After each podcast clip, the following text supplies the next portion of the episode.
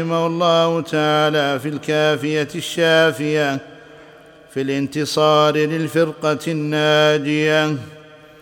فصل في تعين اتباع السنن والقرآن طريقا للنجاة من النيران.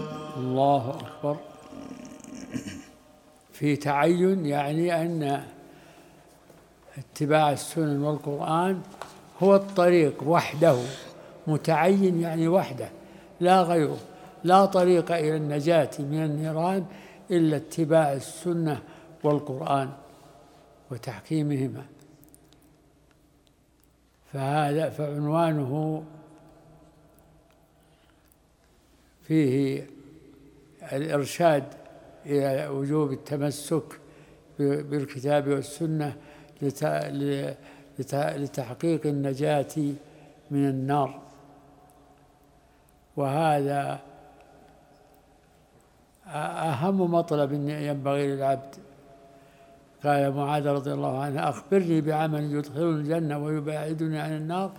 قال لقد سألت عن عظيم وإنه ليسير على من يسر الله عليه فهذا فهذا هو الذي ينبغي للعاقل أن يطلب النجاة من عذاب الله وأن ويطلب الفوز بكرامة الله. هذا هو المطلب الأعلى والأسنى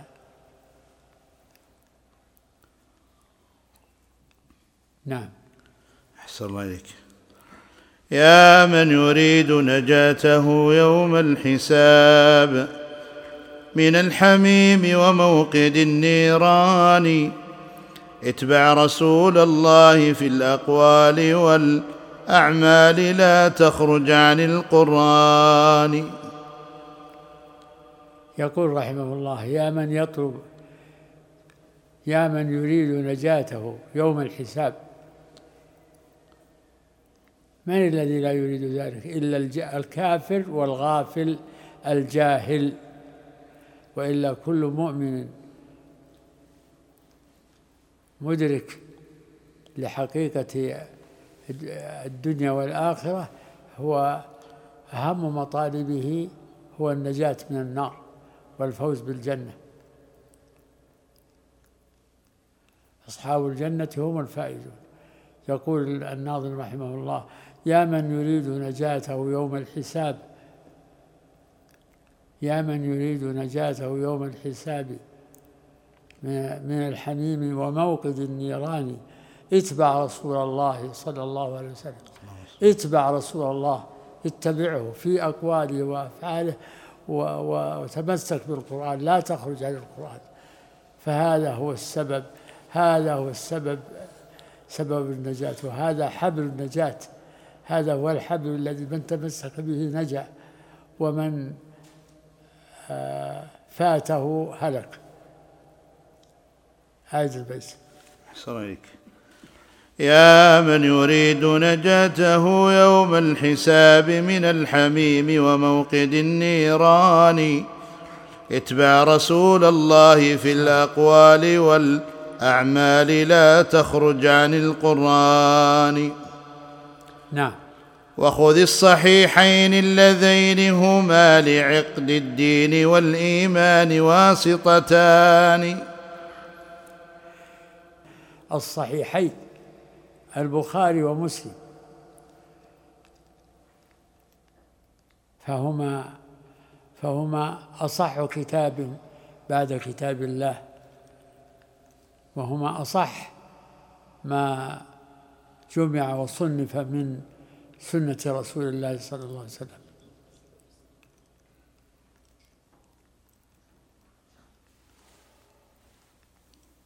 وهما في مصنفات في مصنفات الحديث ومصنفات السنة كواسطة العقد واسطة العقد آه، خرزات تكون هي أبرزها أبرز ما يكون في العقد و وأجملها تكون مزينة للعقد. فلهذا يقول إنهما لعقد عقد لعقد العلم والإيمان واسطتان. نعم أعد البيت. أحصيك وخذ الصحيحين اللذين هما لعقد الدين والإيمان واسطتان واقرأهما بعد التجرد من هوى وتعصب وحمية الشيطان. يعني اقرأ حديث الرسول وأفضلها ما في الصحيحين متجردا عن الآراء والمذاهب وعن التعصب. لأن التعصب يحمل على المعارضة بين بين المذهب وبين الدليل. وهذا انحراف عن الطريق والصراط المستقيم. اقرأهما اقرأ الصحيحين متجردا لا تقرأهما وأنت تلتفت إلى المذهب الذي أنت تنتمي إليه وتتعصب له. حتى تنتفع بقراءتك لحديث رسول الله صلى الله عليه وسلم.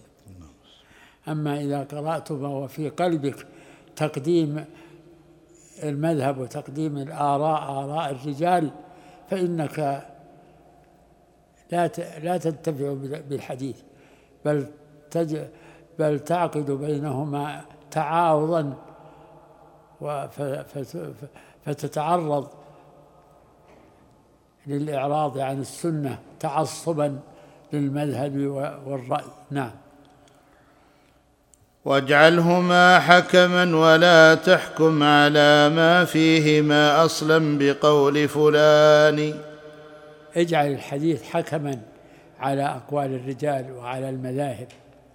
اجعلها هي الحكم فما وافقها فخذ به واقبله وقدمه وما خالفهما فأعرض عنه واطرحه. اجعلهما حكما ولا تحكم عليهما بآراء الرجال. نعم أعد البيت. أحسن عليك واجعلهما حكما ولا تحكم على ما فيهما أصلا بقول فلان. واجعل مقالته كبعض مقالة الأشياخ تنصرها بكل أوان. يعني يقول اجعل الحديث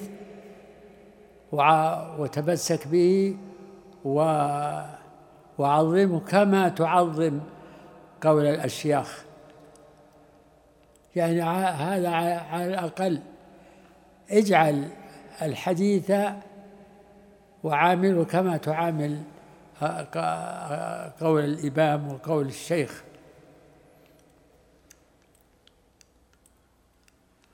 مع أن الواجب أن يكون حديث رسول الله فوق ذلك بمنازل لكن هذا من باب يعني أقل ما يكون. اجعل الحديث كرأي الشيخ الذي أنت تنتمي إليه وتتعصب له.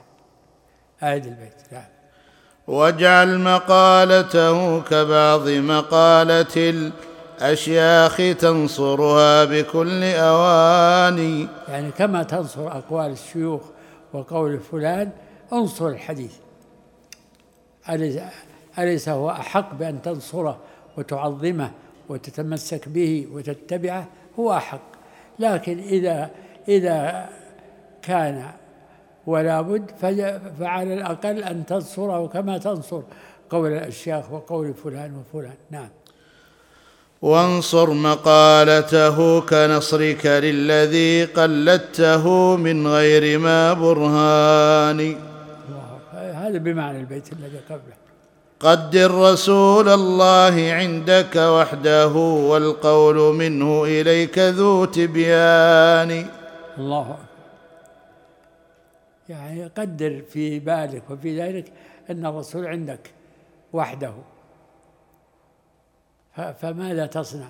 أتأخذ بقوله أو بقول الشيخ الفلاني والإمام الفلاني والعالم الفلاني؟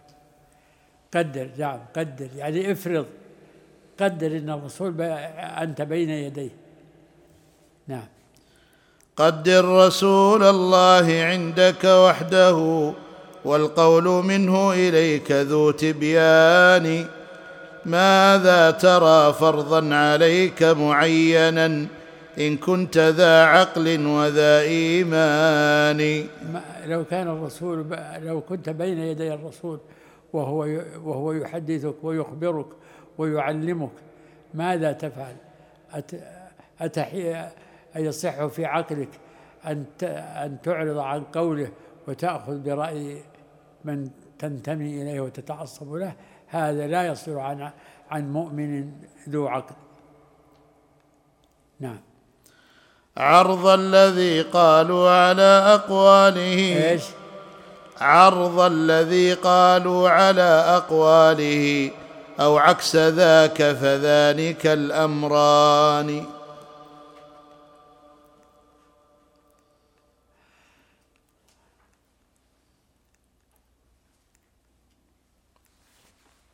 أعيد البيت الذي قبله.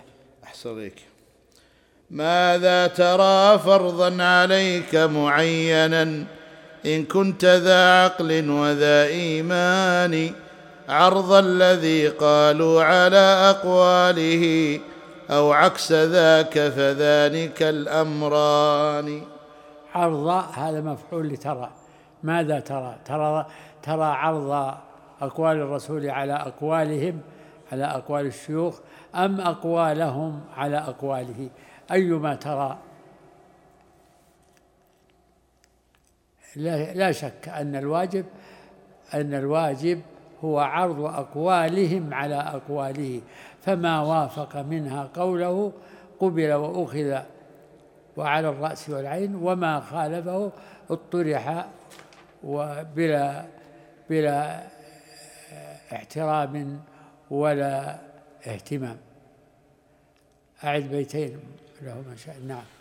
قدر رسول الله عندك وحده والقول منه اليك ذو تبيان ماذا ترى فرضا عليك معينا ان كنت ذا عقل وذا ايمان عرض الذي قالوا على اقواله أو عكس ذاك فذلك الامران لا بد من أحد أمرين اما إما أن تعرض أقواله على أقوالهم وهذا هو البلاء والمصيبة العظيمة. وإما أن تعرض أقوالهم على أقواله وهذا هو الواجب. هذا فرض عليك هذا هو الفرض عليك. فرض عليك أن تعرض أقوال الناس وأقوال الشيوخ وأقوال آه، العلماء على أقواله صلى الله عليه وسلم. اعرضها فاجعل لأن فاجعله هو الحكم يحكم عليها لا يحكم بها عليه. نعم. هي هذا أصل عظيم. هذا أصل عظيم. متعين على المؤمن أن يجعل أقوال الرسول وسنته هي الحكم وهي مقدمة على على قول كل يؤخذ من على حد قول الإمام مالك رحمه الله. كل يؤخذ من قوله ويرد إلا الرسول إلا صاحب هذا القبر إلا الرسول صلى الله عليه وسلم. نعم. هي مفرق الطرقات بين طريقنا وطريق أهل الزيغ والعدوان. هذا الموقف هو مفترق الطرق يعني عند تعارض بين السنة وبين أقوال الناس هذا المفترق. فمن الناس من يؤثر ويقدم أقوال الرسول وهم أهل الهدى والفلاح ومنهم من يقدم أقوال ائمتهم وشيوخهم والآراء التي انتحلوها وهذا سبيل أهل الزيغ والإلحاد. نعم. صريك أعد بيت نعم. هي مفرق الطرقات بين طريقنا وطريق أهل الزيغ والعدوان. قدر مقالات العباد جميعهم عدما وراجع مطلع الإيمان. يعني قدر أقوال الناس مهما بلغوا في المنزلة عندك في العلم قدرها عدما. وارجع إلى مطلع الإيمان وهو الكتاب والسنة. فإن هذا هو طريق الفلاح وطريق النجاة وطريق السعادة. قدر أقوال الناس عدما لا وجود لها ولم ولا وجود لهم أصلا. نعم قدر. أحسنك قدر مقالات العباد جميعهم عدما وراجع مطلع الإيمان الله أكبر. نعم. و... شو تقول؟ أربعة ألف واحد وتسعين.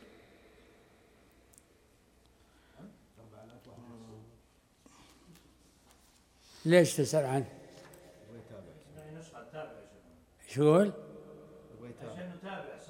إيه يعني نعم قدر مقالات العباد جميعهم عدما وراجع مطلع الإيمان واجعل جلوسك بين صحب محمد وتلقى معهم عنه بالإحسان الله هذا بيت بيت له شأن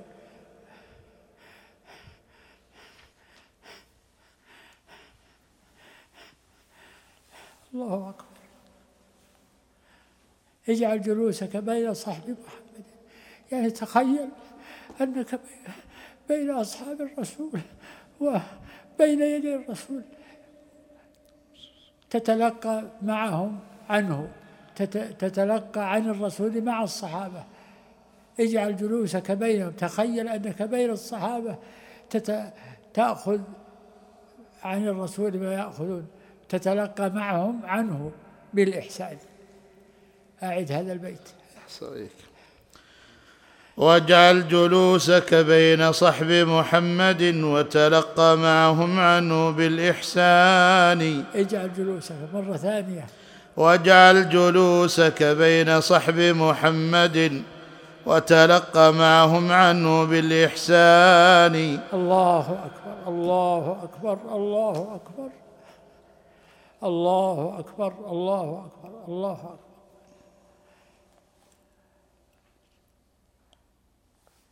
يعني اجعل في في قلبك وتخيلك أنك بينهم بين أصحاب الرسول وأمام الرسول. تتلقى معهم عنه تتلقى مع الصحابة عن الرسول. تلقيا بالإحسان والقبول والرضا. نعم. أحصائك. واجعل جلوسك بين صحب محمد وتلقى معهم عنه بالإحسان. الله. وتلقى عنهم ما تلقوه هم عنه من الإيمان والعرفان. نعم. أفليس في هذا بلاغ مسافر؟ يبغي الإله وجنة الحيوان. بلى والله. يقول أليس في هذا التلقي وفي هذا العلم الموروث عن النبي صلى الله عليه وسلم الذي بلغه الصحابة أليس فيه بلاغ وزاد كاف لمسافر إلى الله؟ الجواب بلى. فيه بلاغ وزاد كافي لمن يريد الوصول إلى رضوان الله ومغفرته. أوليس في هذا بلاغ مسافر. كل عبد مؤمن مسافر إلى الله. كل عبد مؤمن مسافر إلى الله. يبغي رضاه ويبغي غفرانه ويبغي, ويبغي كرامته. وهذا زاده هذا هو الزاد الذي يبلغه. يبلغه الغاية. هذا هو الزاد الذي يبلغه. نعم آية البيتين. وتلقى عنهم ما تلقوه هم عنه من الإيمان والعرفان. أفليس في هذا بلاغ مسافر يبغي الإله وجنة الحيوان؟ الله بلى والله فيه بلاغ وزاد كافي نعم. لولا التنافس بين هذا الخلق ما كان التفرق قط في الحسبان. الله المستعان. ينبه إلى أن التنافس والتحاسد بين الخلق هو الذي أوجب لهم التفرق وأن يركب كل فريق طريقا يسلكه متعصبا و و متبعة للهوى. نعم. فالرب رب واحد وكتابه حق وفهم الحق منه داني وكأنه يشير خاصة بالتفرق الذي بين المسلمين الذين يؤمنون بالله ربا وبمحمد نبيا كيف يتفرقون والرب واحد والنبي واحد والطريق واحد وكتاب الله واحد؟ ما ما هذا التفرق؟ كيف تتفرق الأمة إلى نحل ومذاهب وطرائق؟ لولا التحاسد والتعصب واتباع الهوى. نسأل الله العافية. نعم آية بيتين. لولا التنافس بين هذا الخلق ما كان التفرق قط في الحسبان. فالرب رب واحد وكتابه حق وفام الحق منه داني ولهذا أقول إن هذه هذه الأبيات كأنها تختص بشأن المسلمين الذين ابتلوا بالتفرق.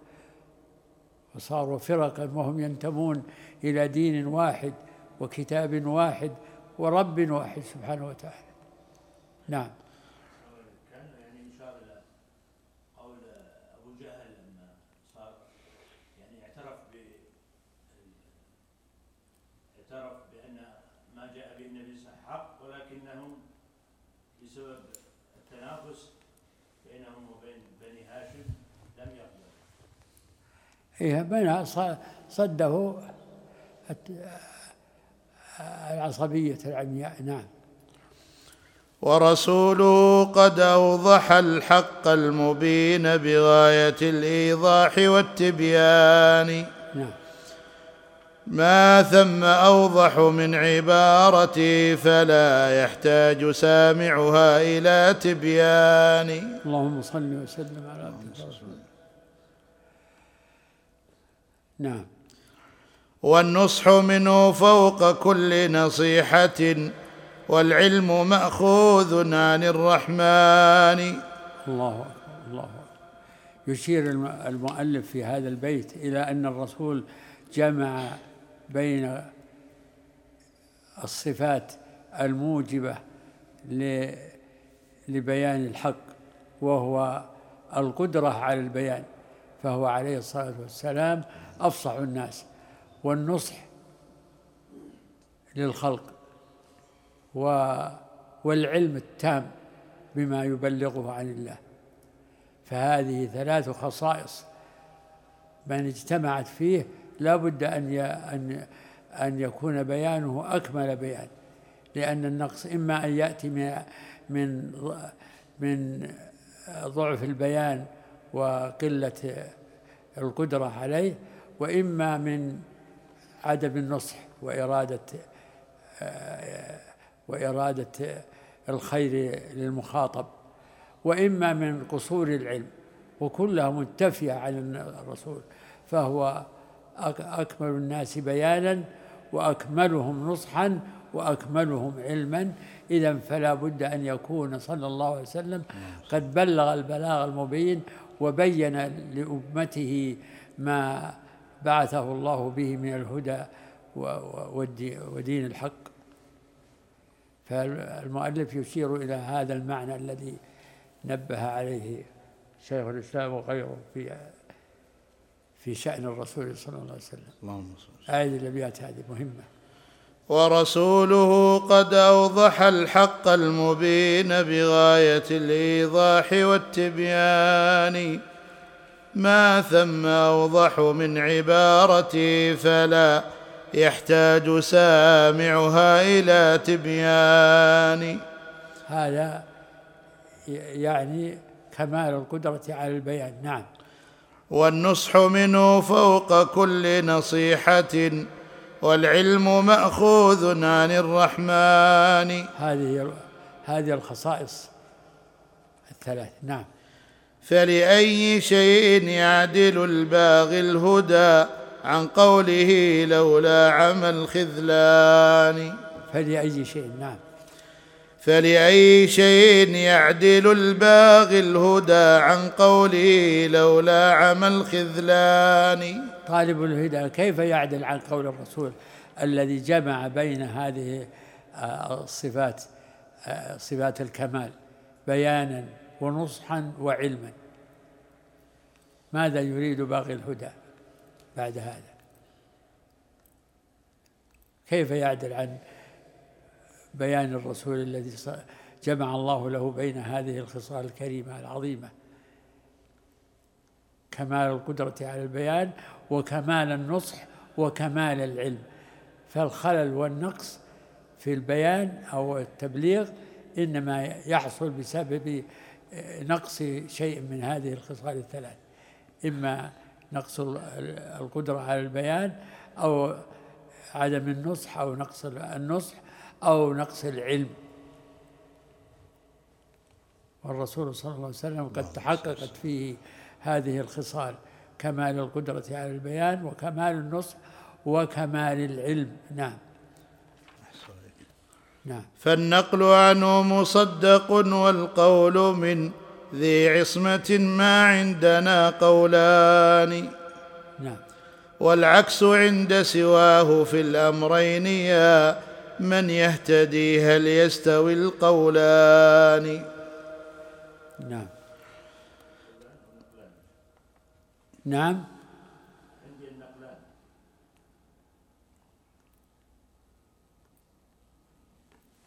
بدل القولان.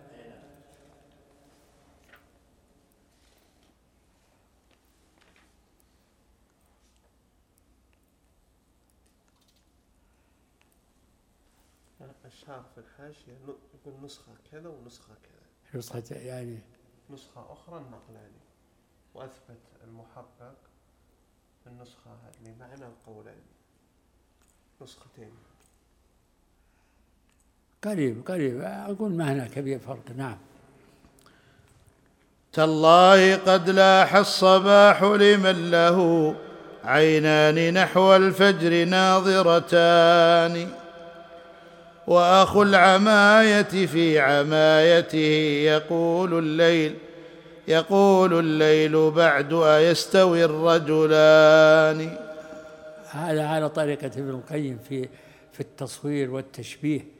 يقول بعد هذا الكلام قد وضح الأمر وأشرق الصبح وطلع الفجر لمن له عينان ناظرتان نحو الفجر.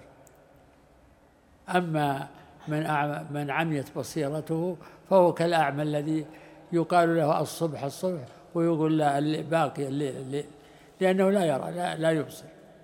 فهذا من من قبيل البيان بالتشبيه والتصوير. فهو يصور حال من من رأى الحق وإشراقه ووضوحه وأدركه ومن عميت بصيرته فلا يراه أعد البيتين فيهما إبداع بياني بيان. نعم. تالله قد لاح الصباح لمن له عينان نحو الفجر ناظرتان. من, من له عينان يبصر بهما إذا نظر إلى الفجر أدركه وعرف أنه طلع الفجر وأصبح ووضح النهار. نعم. وأخو نعم. وأخو العماية. وأخو العماية في عمايته يقول الليل بعد ويستوي الرجلان. الله الله أفمن يعلم أن ما أنزل إليك من ربك الحق كمن هو أعمى. هذا هو التمثيل بعين. معنى هذين البيتين هما في قوله تعالى أفمن يعلم أن ما أنزل إليك من ربك الحق كمن هو أعمى؟ إنما يتذكر أولو الألباب. وما يستوي الأعمى والبصير. نعم. تالله قد رفعت لك الأعلام إن كنت المشمرا التدار أماني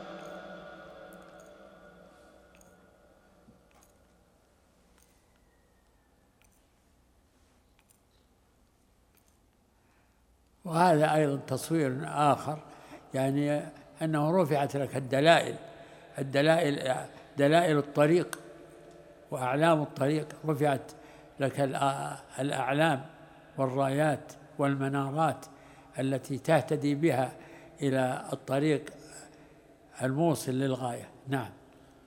أحسن تالله قد رفعت لك الآلام إن كنت المشمرا التدار أماني وإذا جبنت وكنت كسلانا فما حرم الوصول إليه غير جبان الله أكبر. إن كنت مشمر فهذه أعلام الطريق واضحة للسالك المقدام العزام وإن كنت كسلان وجبان فما فما تصل إلى مطلوب. شتان بين مقدام عزام وبين جبان كسلان. أعد بيتين طيبة. أحصيك. تالله قد رفعت لك الآلام إن كنت المشمرا التدار أماني وإذا جبنت وكنت كسلانا فما حرم الوصول إليه غير جبان أقدم وعد بالوصل نفسك واهجر المقطوع عنه قاطع الإنسان الله بعدما أشار إلى وضوح الطريق ورفع أعلام الطريق أوصى الناصح لنفسه أوصاه بالإقدام والتشمير وعلو الهمة ووعد النفس بالوصول وذلك بحسن الأمل وحسن الرجاء وصدق الرجاء. الله الله أكبر. أقدم. أقدم وعد بالوصل نفسك واهجر المقطوع عنه قاطع الإنسان نعم. عن نيل مقصدي فذاك عدو ولو أنه منه القريب الداني.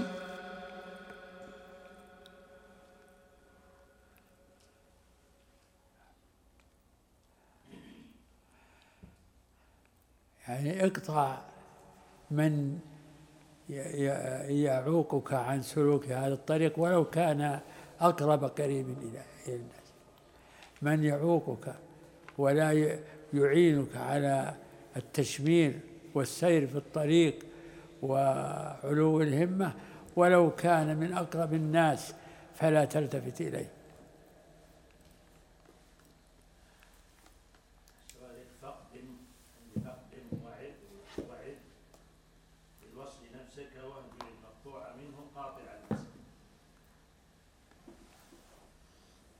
نعم.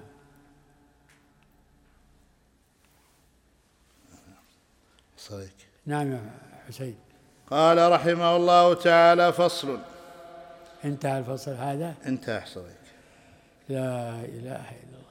هذا فصل عظيم ينبغي لمن وفق أن أن يحفظه. هذا مما يحفظ من هذه القصيدة. يكفي أن مطلعها يا من يريد نجاته يوم الحساب من الحميم وموقد النيران. وما يتبعها من هذه الأبيات المعبرة المصورة المشوقة المحركة للعزائم. اجعل جلوسك بين صحب محمد وتلقى معهم عنه بالإحسان.